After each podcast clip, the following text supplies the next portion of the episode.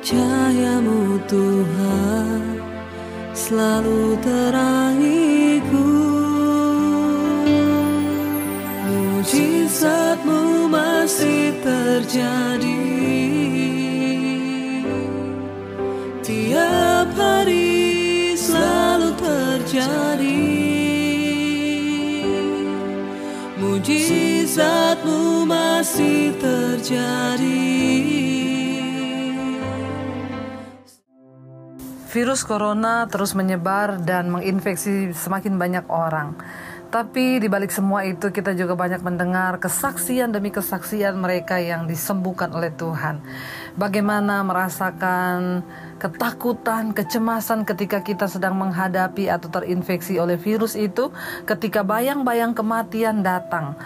Hari ini kita akan dengar kesaksian dari seorang petugas medis yang juga bertugas di rumah sakit ketika pertama kali virus corona mulai masuk ke Indonesia. Dia adalah seorang yang merasa takut karena dia bekerja sebagai seorang uh, petugas medis karena orang yang sangat-sangat bisa punya potensi untuk terjangkiti atau terinfeksi adalah para medis yang bekerja di rumah sakit.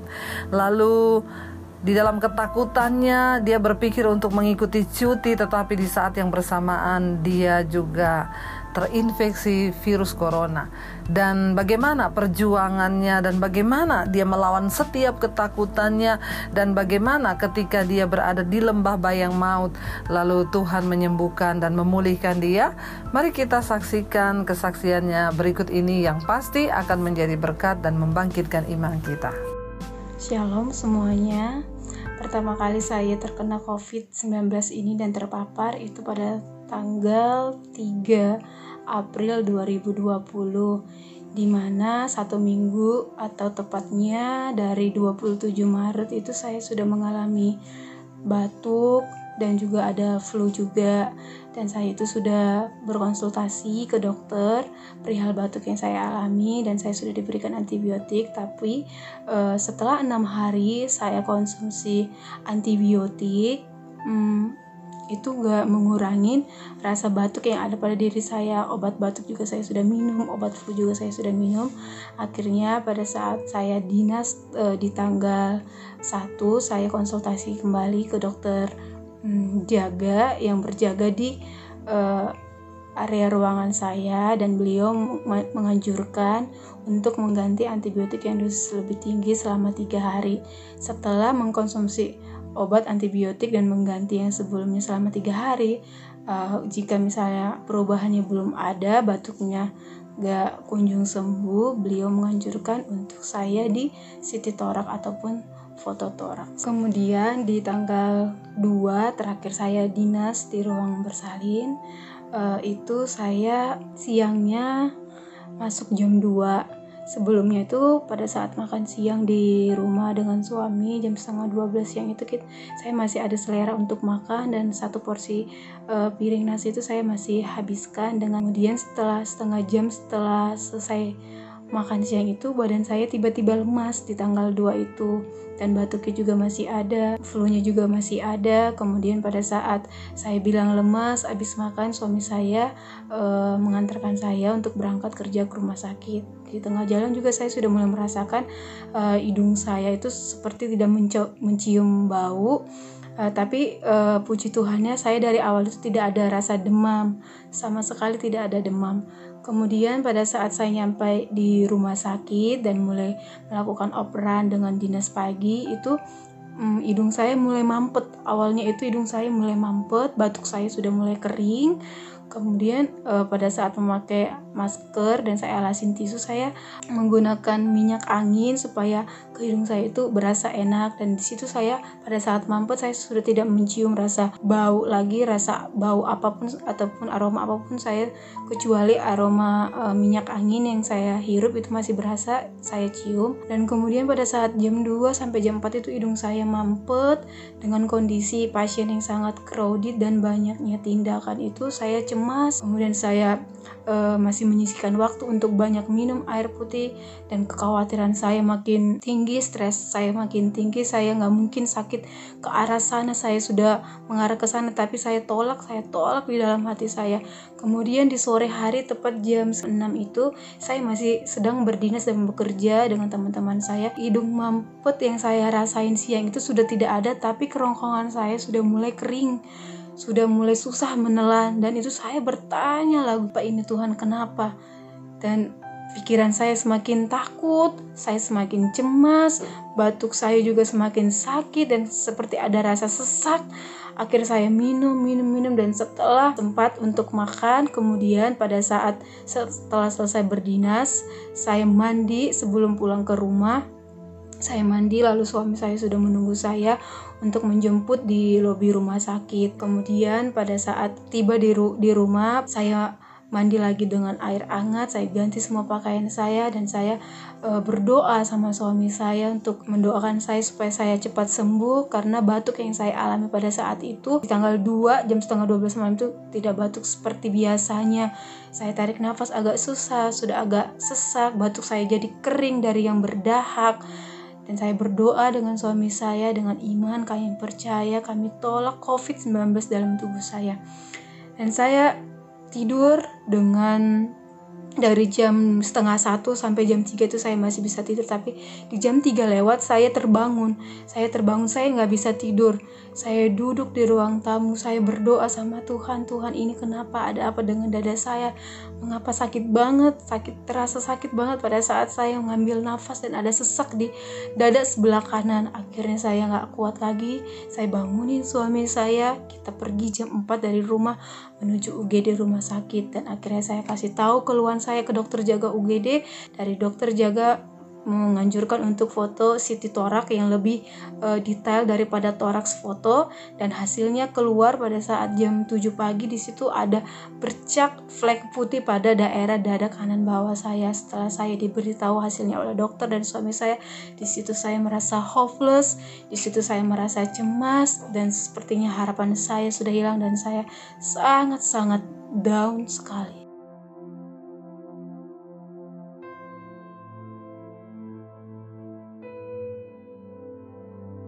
Iya, rasa takut pasti ada setelah saya hmm, terpapar COVID-19 ini dan sebelum terpapar juga rasa stres saya itu sangat tinggi setelah tahu virus dari Wuhan itu datang ke Indonesia dengan begitu banyaknya pasien yang meninggal daripada yang sembuh ataupun yang selamat. Di situ saya sudah mulai dihantui rasa takut, rasa cemas, uh, imun saya semakin menurun pikiran saya sudah ke mana-mana dan setelah saya dianjurkan dari dokter untuk dirawat inap dan diisolasi sementara waktu di rumah sakit, saya menangis, saya menangis, saya belum terima kondisi saya, uh, saya belum terima apa yang Tuhan berikan kepada saya, sementara saya uh, perawat, saya tim medis yang terutama di berada di depan untuk membantu orang-orang yang sakit. Kenapa Tuhan berikan proses ini uh, kepada saya? Saya bertanya sama Tuhan dan saya marah pada saat itu. Saya belum bisa menerima kondisi saya dan di ruangan itu saya belum bisa berdoa. Saya belum bisa terima keadaan saya. Saya takut. Setelah masuk ruangan itu saya sudah berada, pikiran saya sudah kacau dan saya sudah berpikir akan berakhir di sini. Saya akan berakhir di kematian muda yang di mana saya belum melakukan apa-apa untuk Tuhan, saya belum melakukan yang terbaik untuk suami saya, untuk orang tua saya, saya belum melakukan apa-apa. Di situ saya berserah, saya terserah Tuhan mau lakukan. Saya belum mempunyai harapan, saya malu sama Tuhan, saya takut, sehingga saya pun tetap masih mengeraskan hati dan sudah uh, berpikir ke arah kematian dan saya pasti tidak akan sembuh Ampuni aku ya Bapa, ampuni aku Tuhan. Saya berdoa, saya tidak henti-hentinya untuk berdoa, memanggil nama Tuhan. Walaupun saya sebenarnya sudah pasrah karena badan saya sudah sudah dingin, kedua tangan saya sudah gemetar, kaki saya sudah dingin, saya sebenarnya sudah pasrah dan seorang perawat tidak ada yang datang dari jam 2 sampai jam 3 tidak ada yang datang untuk menolong saya. Di situ saya sudah pasrah dan dirasa hati yang paling dalam pengharapan saya masih ada untuk hidup. Saya panggil Tuhan Yesus, Tuhan Yesus, Tuhan Yesus ampuni saya. Saya teriak kencang Tuhan Yesus ampuni saya, Bapak ampuni saya, Tuhan ampuni. Saya masih mau lihat keponakan saya yang mau lahir, saya masih mau lihat sukacita di dalam suami saya saya masih mau banyak ingin melakukan firman ya Bapak. Saya masih mau belajar firman saya masih mau menjadi alatmu ya Tuhan. Ampuni saya saya janji setelah engkau memberikan kesembuhan yang pulih ini saya janji Tuhan untuk engkau pakai menjadi alatmu. Saya ikuti rencanamu dan saya akan mengubah sikap perilaku saya Bapak. Ampuni saya Tuhan. Dada saya semakin sesak semakin sakit. Cuma saya semakin tinggi dan pada saat setengah tiga itu saya benar sudah hilang harapan dan saya di dalam pikiran saya saya akan bertemu dengan keluarga saya sudah meninggal saya sudah pasrah. Tapi suami saya di telepon selalu mengingatkan saya memanggil nama saya. Dia tidak putus-putusnya untuk memanggil saya. Kuat kamu kuat. Saya sudah minta maaf di telepon maafin aku. Saya sudah maaf minta, minta maaf di telepon dengan suami saya. Tapi apa? Tuhan berkata lain Tuhan tidak memanggil saya pada saat itu. Dia masih memberikan saya kesempatan. Tepat jam 3 jam 3 sore seorang perawat datang dengan pakai baju APD dan saya melihat perawat itu seperti malaikat untuk menolong saya menghampiri bel yang sudah saya pencet selama satu jam. Dia datang untuk membantu saya dia melapor ke dokter jaga dan dia menyuruh saya untuk meminum obat.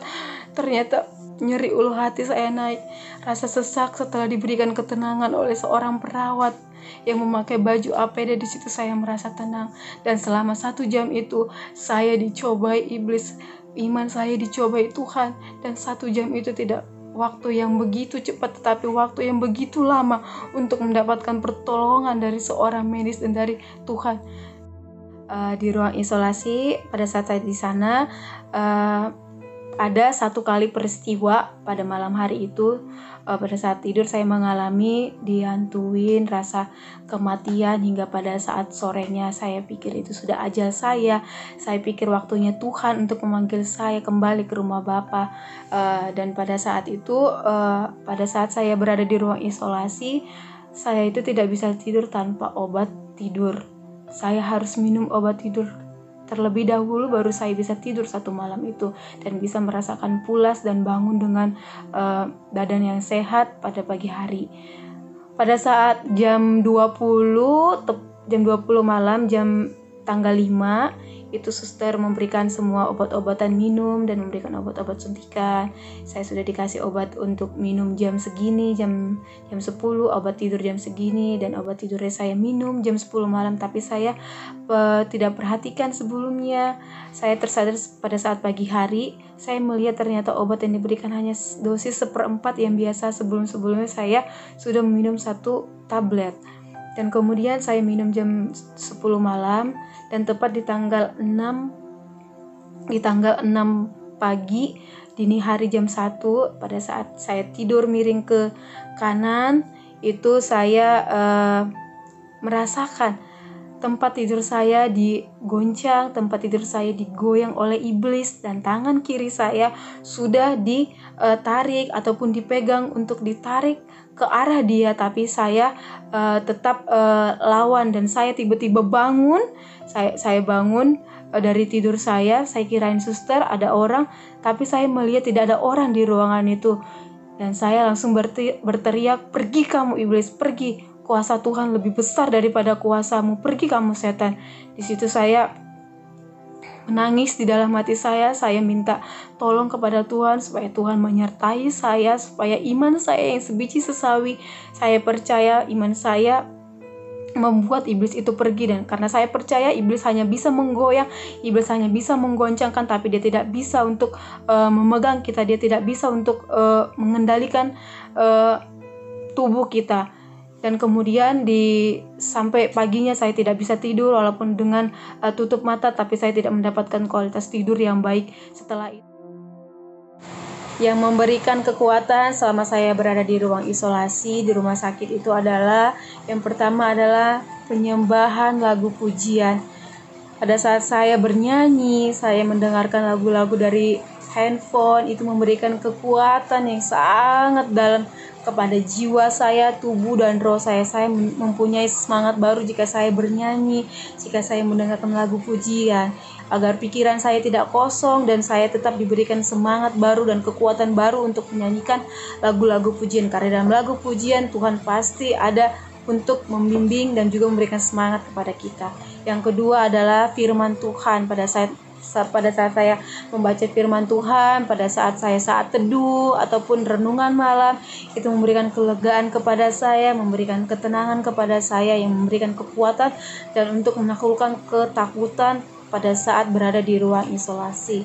Yang ketiga adalah suami tercinta saya. Suami tercinta saya pada saat video call dia selalu memberikan uh, muka-muka raut muka yang lucu, semangat untuk uh, memberikan saya ke kesembuhan supaya saya cepat pulang, supaya saya cepat bertemu dengan dia. Yang keempat adalah keluarga.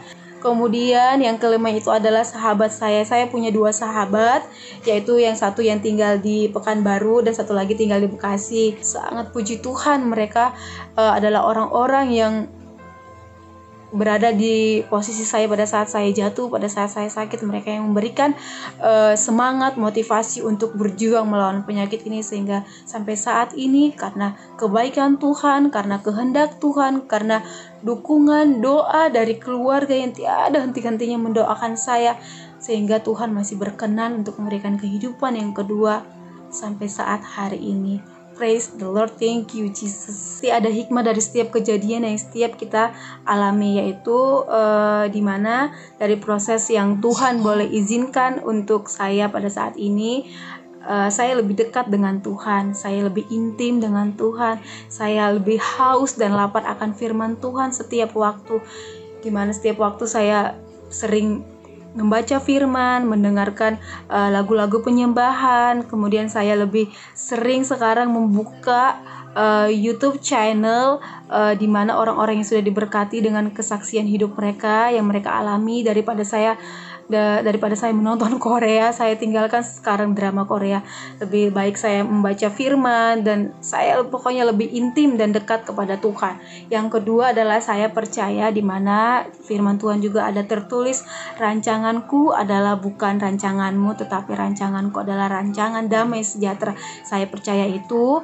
Tuhan eh, uh, pakai saya Tuhan telah pilih saya untuk melalui proses ini karena saya percaya tiada tidak ada masalah yang tidak terselesaikan atau tidak ada masalah yang kita bisa lalui di luar batas kemampuan kita. Yang ketiga, hikmahnya adalah uh, saya tidak saya lebih sabar lagi yang sebelumnya saya suka marah-marah, kemudian saya uh, lebih banyak bersyukur, kemudian saya tidak terlalu banyak menuntut sekarang uh, cemas rasa takut itu uh, sirna dan saya lebih dipenuhi dengan rasa syukur dan akan takut serta hormat kepada Tuhan. Banyak sekali hikmah yang saya dapat, yang saya ambil dari uh, semua penyakit yang Tuhan boleh izinkan kepada tubuh saya. Tetapi saya tidak marah, malah saya menjadi orang yang lebih baik lagi, orang yang lebih dekat kepada Tuhan, orang yang lebih haus dan lapar akan firman Tuhan, dan menjadi orang yang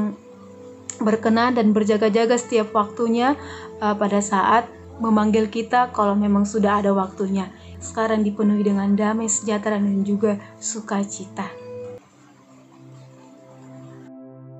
Iya, luar biasa bukan saudara ketika kita mendengar kesaksian ya bagaimana dia yang tadinya ketakutan tetapi Tuhan mengizinkan dia mengalami dan ketika dia sedang ada di ruang isolasi yang benar-benar dia hanya sendiri dan tanpa ada keluarga yang boleh menemani di dalam kesendirian itulah dia mulai menemukan Tuhan. Dia mulai terus membangun hubungan dengan Tuhan lalu dia mulai terus memuji menyembah Tuhan dan ketika itu dia memperoleh kekuatan dalam dirinya di mana dia percaya bahwa bahwa Tuhan adalah penyelamatnya. Dan satu hal yang akan menjadi berkat buat kita semua di mana dia berkata Tuhan, jika engkau mengizinkan aku sembuh, maka memiliki sebuah permintaan kepada Tuhan. Aku ingin berikan kesempatan untuk hidup dan aku mau hidup hanya untuk melayani Tuhan. Berikan aku waktu hidup untuk aku mau melayani Tuhan. Saudara, hidup ini adalah sebuah kesempatan. Ketika hari ini engkau sedang dalam keadaan yang sehat, pakailah waktu-waktu hidupmu untuk terus melayani Tuhan.